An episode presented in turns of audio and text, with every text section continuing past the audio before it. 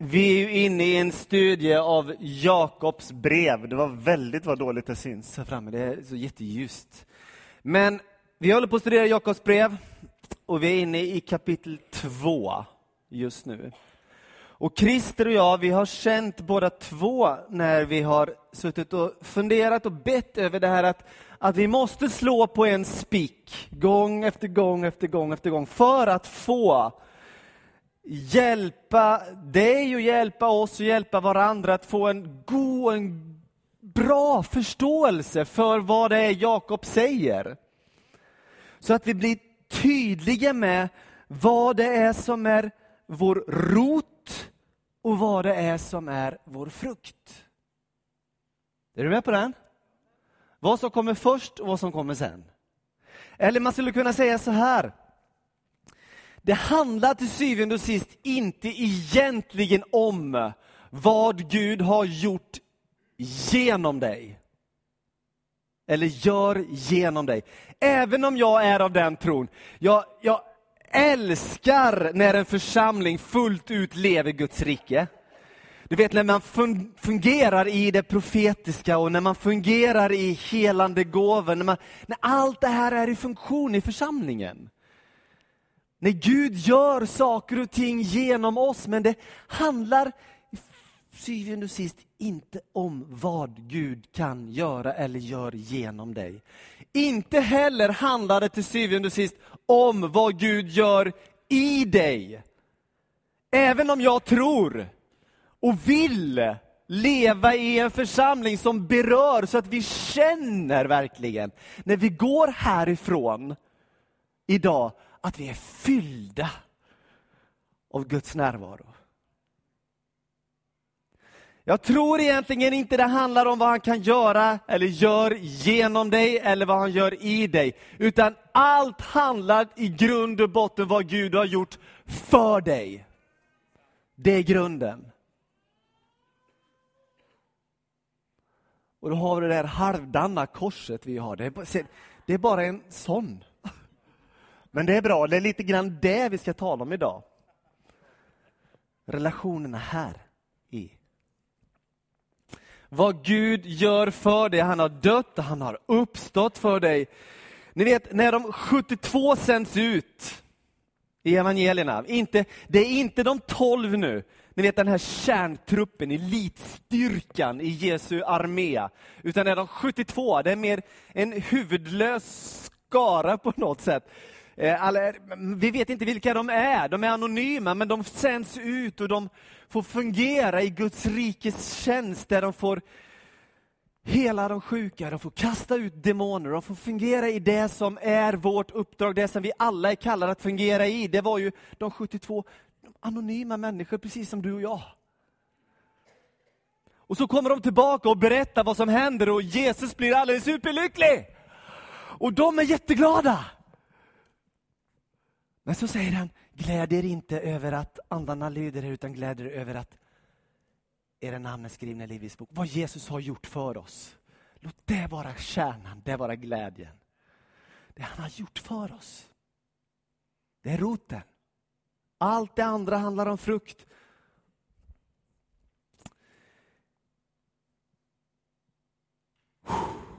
Med det som grund, med det som grund mina vänner, så vill jag, vill jag säga att jag tror på församlingen. Och nu har den här gått upp. Det måste jag göra något åt. Annars kommer jag snubbla på den här. Jag tror på den här församlingen. Jag tror på en församling som lever Guds rike så att det känns. Jag tror på en församling som, som är mycket action.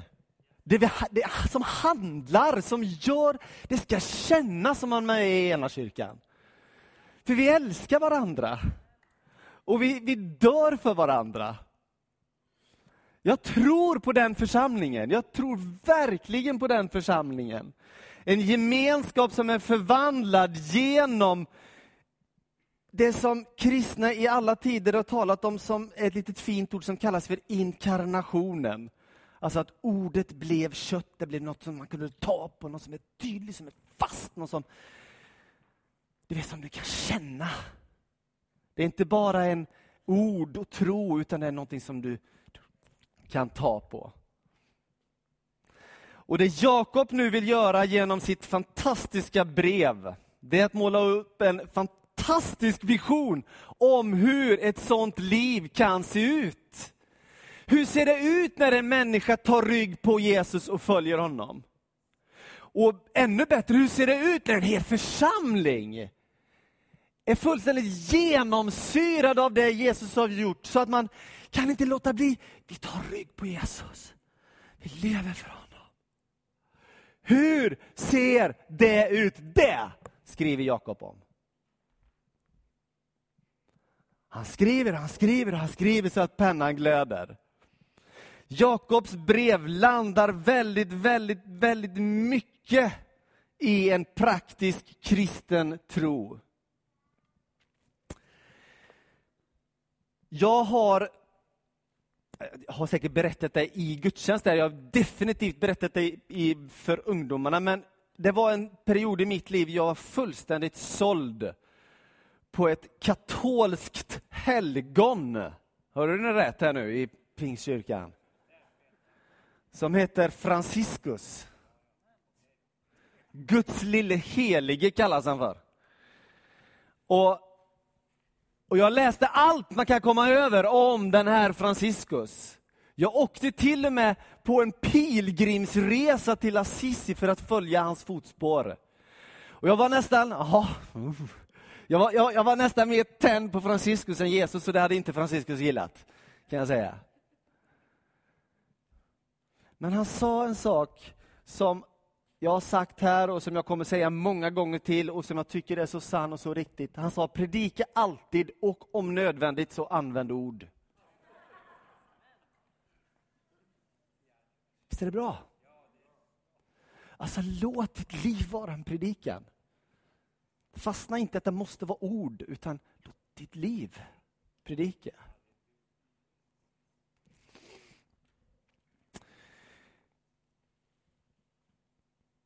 Ni vet, jag tror ju verkligen att det är så, den här klassiska, det kanske är lite corny att säga, men, men jag tycker ändå att det stämmer lite grann. Ni vet att din granne, den som inte har tagit steget och tagit rygg på Jesus, den människan läser inte Bibeln. Så är det. Det är knappt så att vi läser Bibeln. Nej. Men den läser inte Bibeln, men den läser dig. Alltså den läser av dig. Hur, hur, hur är du? Det är den informationen din granne får om vem Jesus är. Läser dig. Och, och jag, jag skulle vilja ställa en fråga utan att det blir en tyngd på våra, på våra axlar när det kommer en tyngd på våra axlar, när det blir tungt, då är det inte evangelium, för evangelium befriar alltid. Men jag skulle ändå vilja ställa en fråga till oss, och utan att det får tyngden, men ändå får en lite skärpa i det. Vad ser Svensson i dig som är en skillnad på ditt liv och hans liv?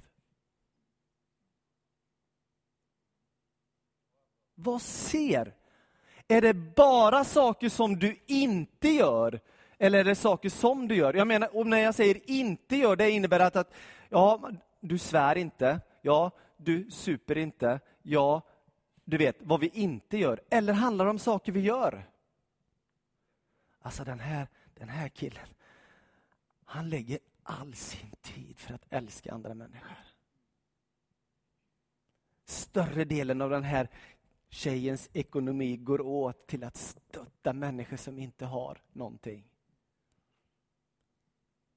Handlar det om vad vi inte gör eller om vad vi gör? Jag tror att det är ganska stor skillnad på det.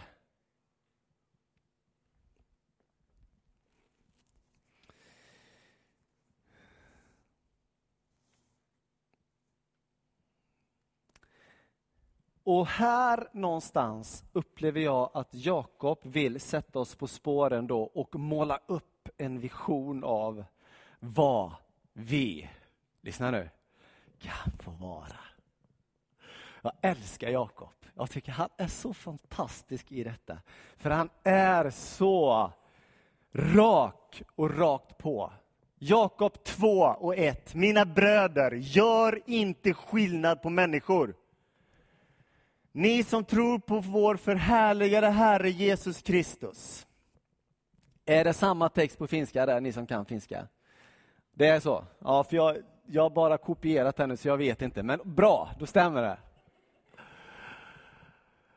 Alltså, jag, åh, jag vill predika för er idag. Får jag göra det? Ja! Alltså jag vill predika enkelt. Och det räcker ju. Gör inte skillnad på människor. Va? Kan det, kan det, är det någon som inte begriper vad det handlar om? Gör inte skillnad på människor.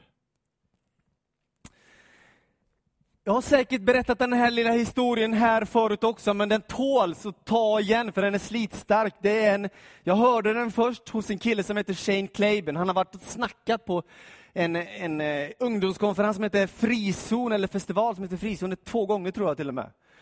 Och det här är så den här lilla historien är så bra, för han berättar om en församling i USA, då han kommer från USA nämligen. Och ungefär som här, och det kommer in i dörrarna när gudstjänsten precis har börjat, en man som stinker. Och han har sina plastpåsar. Kan ni se vad det är för en typ? Och han sätter sig längst fram. Och människor runt omkring glider ut lite åt sidan, för ja, det luktar, och ni vet, alltså du vet.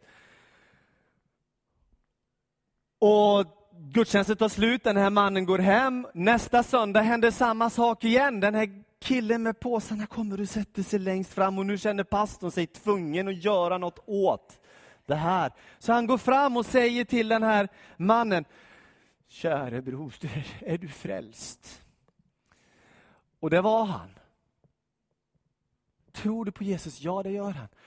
Och och på, för att lägga fram det på ett fint sätt, men som vi kanske kan tycka är ett jätteplumpt sätt, så säger han eh, Ber du till Gud någonting? Ja, jag ber. Jag talar med Gud varje dag. Han talar med mig och pastorn känner, wow, det här är ju... Och så sa han, då kanske du kan fråga Gud till nästa gång hur vi beter oss och hur vi klär oss när vi kommer till kyrkan jättedåligt va? Men det var vad han gjorde. Och han kom tillbaka nästa söndag, kan ni gissa hur? Med sina kassar och satte sig längst fram. Och han stank. Och pastorn kommer fram och frågar honom, vad sa Gud? Glömde du fråga? Nej, jag frågade Gud. Och vet ni vad Gud sa? Gud sa, jag vet inte, för jag har aldrig varit i hans kyrka. Aj. Den kyrkan. Ingen bra kyrka. Gör inte skillnad på människor.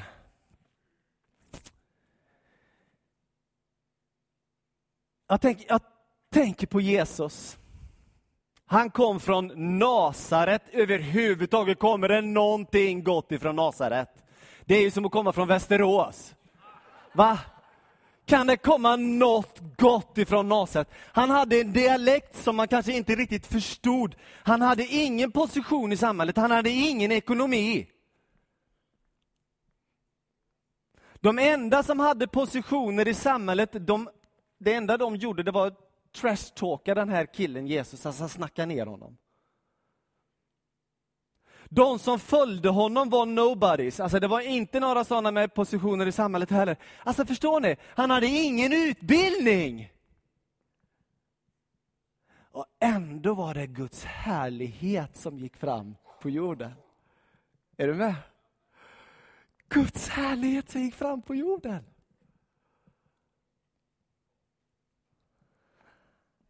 Gör inte skillnad på människor. Vill vi veta något om vad det handlar om att inte göra skillnad på människor, ja men då ska vi ta och verkligen studera. Vi kan titta på Matteus, Markus, Lukas och Johannes. Hur han mötte människor som vi säger att vi vill ta rygg på. Vi behöver inte göra det krångligare än så. Kolla hur Jesus gjorde. Hur levde han? Vi kan gå tillbaka till det som hela den, den andliga vägledningen, inte minst den ignatianska andliga vägledningen som säger att imatio Krist, alltså härma Jesus. Börja där. Härma honom i allt.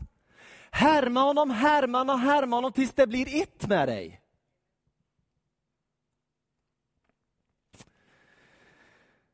Japp. Gör inte skillnad på människor, det var det jag. Jakob 2.5. Lyssna mina älskade bröder. Har inte Gud utvalt dem som är fattiga i den här världen till att bli rika i tron och få ärva riket som han lovat dem som älskar honom? En fråga vi kan ställa oss inför det här. Vad glimmar starkast för oss? Vad är det som har störst lyskraft? Lyssna, sa han Jakob. Alltså, det grekiska ordet är inte liksom lyssna, utan lyssna! Alltså det här. Jag har något viktigt att säga, lyssna! Och här skulle vi kunna snöa in oss i okej, okay, är det en massa predestination här att Gud ut... Alltså, vi skulle kunna snöa in i en teologisk utläggning och det kan man göra, det är jättebra. Men det är också då risk att vi missar själva poängen. Det finns en fara med rikedom. Vågar vi säga det i vår del av världen? Det kommer tillbaka gång på gång på gång när du läser Bibeln, Gamla testamentet och Nya testamentet. Det är lätt att bli, ni vet, vad är det som glimmar mest? Vad är det som glimmar mest?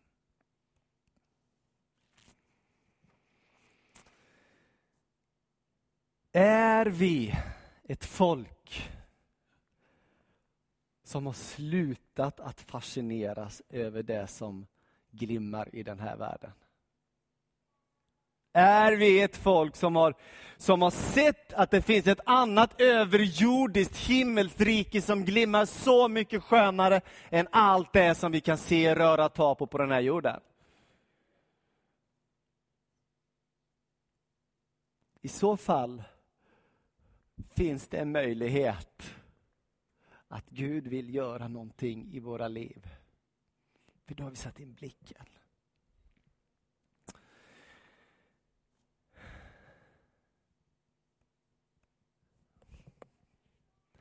Jakob 2.8. Om ni uppfyller den kungliga lagen enligt skriften, du ska älska din nästa som dig själv, då gör ni rätt. Jag tycker det, det här är nog det enda stället, tror jag, i Bibeln där det, det, det står kungliga lagen. Eller kan ni påminna er att det finns någon annanstans? Jag har inte kollat upp det, så jag säger bara det här rakt ut. Vad menar han Jakob när han säger den kungliga lagen? Vet ni, jag tror att det handlar om det här. Det är många olika orsaker till att han säger kungliga lagen. Det första är för att det är en kung som ger lagen. Som ger oss den här lagen, älska din nästa som dig själv. Det är Gud som ger oss den lagen. Därmed är den kunglig. Jag tror att den är kunglig också för att det här är den bästa växtmedicinen vi har i Guds rike. När vi älskar varandra, Se på hur de älskar varandra. Alla ska förstå att ni är mina lärjungar om ni visar varandra. Alltså förstår ni? Det är en sån växtinjektion i Guds rike, så därför är det en kunglig lag. Och vet ni, jag tror att det är en kunglig lag för att du och jag blir som kungar när vi lever i den. Vi blir som kungar i den här världen när vi lever i den här lagen. Den kungliga lagen. Ni vet, Jakob, ser ni den här utvecklingen i kapitel 2? Det börjar med att gör inte skillnad på människor. Och sen går han vidare, det handlar faktiskt om att ni ska älska människor. Inte bara inte göra skillnad, utan faktiskt älska människor. Och Johannes, ni vet han lärjungen, eller du vet han som har skrivit evangeliet, eller du vet han som Jesus älskade, du vet Johannes. Är du med? Ja. Han är ännu vassare än vad Jakob är. Han säger till och med så här att Går du omkring och hatar din bror och samtidigt säger att du älskar Gud, då är du en lögnare. Du ljuger som ett stolpskott. För det är per definition omöjligt att göra. oh, jag vill predika för dig idag. Får jag göra det? Lite till? Orkar du? Ja, det är bra. Jag vill predika enkelt. Jag vill göra så väldigt, väldigt enkelt, för jag tycker att det här budskapet är enkelt. Eh, fast det är svårt. Eh, den... Går vi vidare lite här då. Nu kanske någon säger, du har tro. Ja, men jag har också gärningar. Ah, inom parentes står det, jag vet inte varför den står där. Visa mig din tro utan gärningar, så ska jag visa dig min tro genom mina gärningar. Är det någon som inte fattar? Visst är han enkel, Jakob? Jag tycker han är jättebra. Gärningar som visar tron. Vet ni, jag tror att Jakob skriver precis det han skriver på grund av åtminstone en orsak. Han skriver, vet vi, till de skingrade stammarna i Israels folk. De tolv skingrade stammarna i Israels folk som lever ute i den hellenistiska världen, den grekiska världen. Det är till dem han skriver. Och de bor utspridda i det romerska riket, i den hellenistiska världen. Och där är det starka filosofiska trosinriktningar som kallas för nyplatonism och gnosticism. Där allt handlar om hur har du det i din ande eller har du det i ditt förstånd? Vad du sen gör i livet, i köttet så att säga, i livet, det spelar inte så stor roll, bara du har det bra andligt eller du har det bra i ditt förstånd. Det är skillnad mellan ande och det vi gör. Och det skriver Jakob, så han är så jättetydlig. Tron måste få konsekvenser. Tron måste kännas.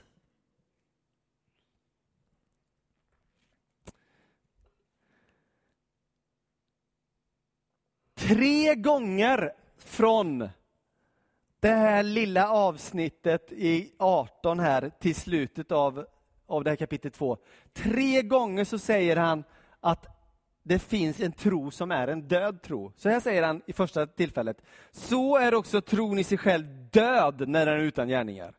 Men vill du inte inse, tanklösa människa, att tron utan gärningar är död? Liksom kroppen utan ande är död, så är tron utan gärningar död. Tre gånger! På ett jättekort sammanhang.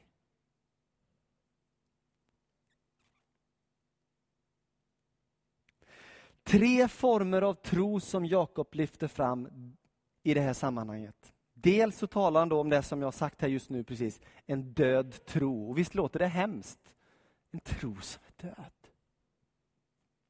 Och Jakob han, han går in på och beskriver vad den här döda tron handlar om. Jo, det handlar om att du, du kanske ser din broder och du ser att han fryser och är hungrig och du säger till honom, ta hand om dig. Och så går därifrån. Man skulle kunna likna det vid det här, jag fick den här bilden av Christer, jag tycker den här är så bra. Snobben ser ut att frysa, ja vi kanske borde uppmuntra honom lite. Var vid gott mod snobben, ja var vid gott mod och så går de.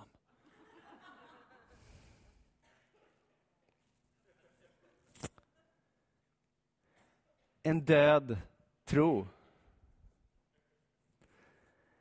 Det som Jakobs övrigt talar om är en demonisk tro i det här sammanhanget. Det är död tro och det är demonisk tro. Och den demoniska tron som han lyfter fram, det är att till och med de onda andarna förstår, vet att Gud tror att Gud är en. Det han säger här, det är det israeliska shema. Shema Israel, hör Israel, Gud är en. Det är det, alltså att de har rätt teologi, de har en bra teologi. De har till och med en karismatik, de tror på det här och darrar. Alltså de är karismatiska, de har en bra teologi. Men det är ändå en demonisk tro. Varför? För att gärningarna finns inte där.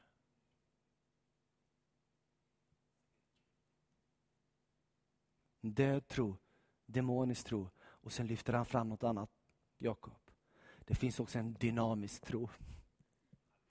En riktigt dynamisk tro. Och här tar han hjälp av två trosgestalter i Gamla Testamentet. Abraham och Rahab. Två vitt skilda människor. Och så kommer nyckelversen till oss. Du ser, med tanke på Abraham här då, att hans tro samverkade med hans gärningar och genom gärningarna blev tron fullbordad. Visst är det bra? Det här är Jakob. Det handlar alltså inte om att det är gärningar som frälser. Kommer ni ihåg? Det handlar inte om vad Gud kan göra genom dig eller vad han kan göra i dig, utan vad han har gjort för dig. Det är det som frälser dig. Du kan inte lägga till eller dra från någonting. Men tron behöver samverka med våra gärningar. Så som min gode kollega brukar säga, Gud behöver inte dina gärningar, men din granne gör det.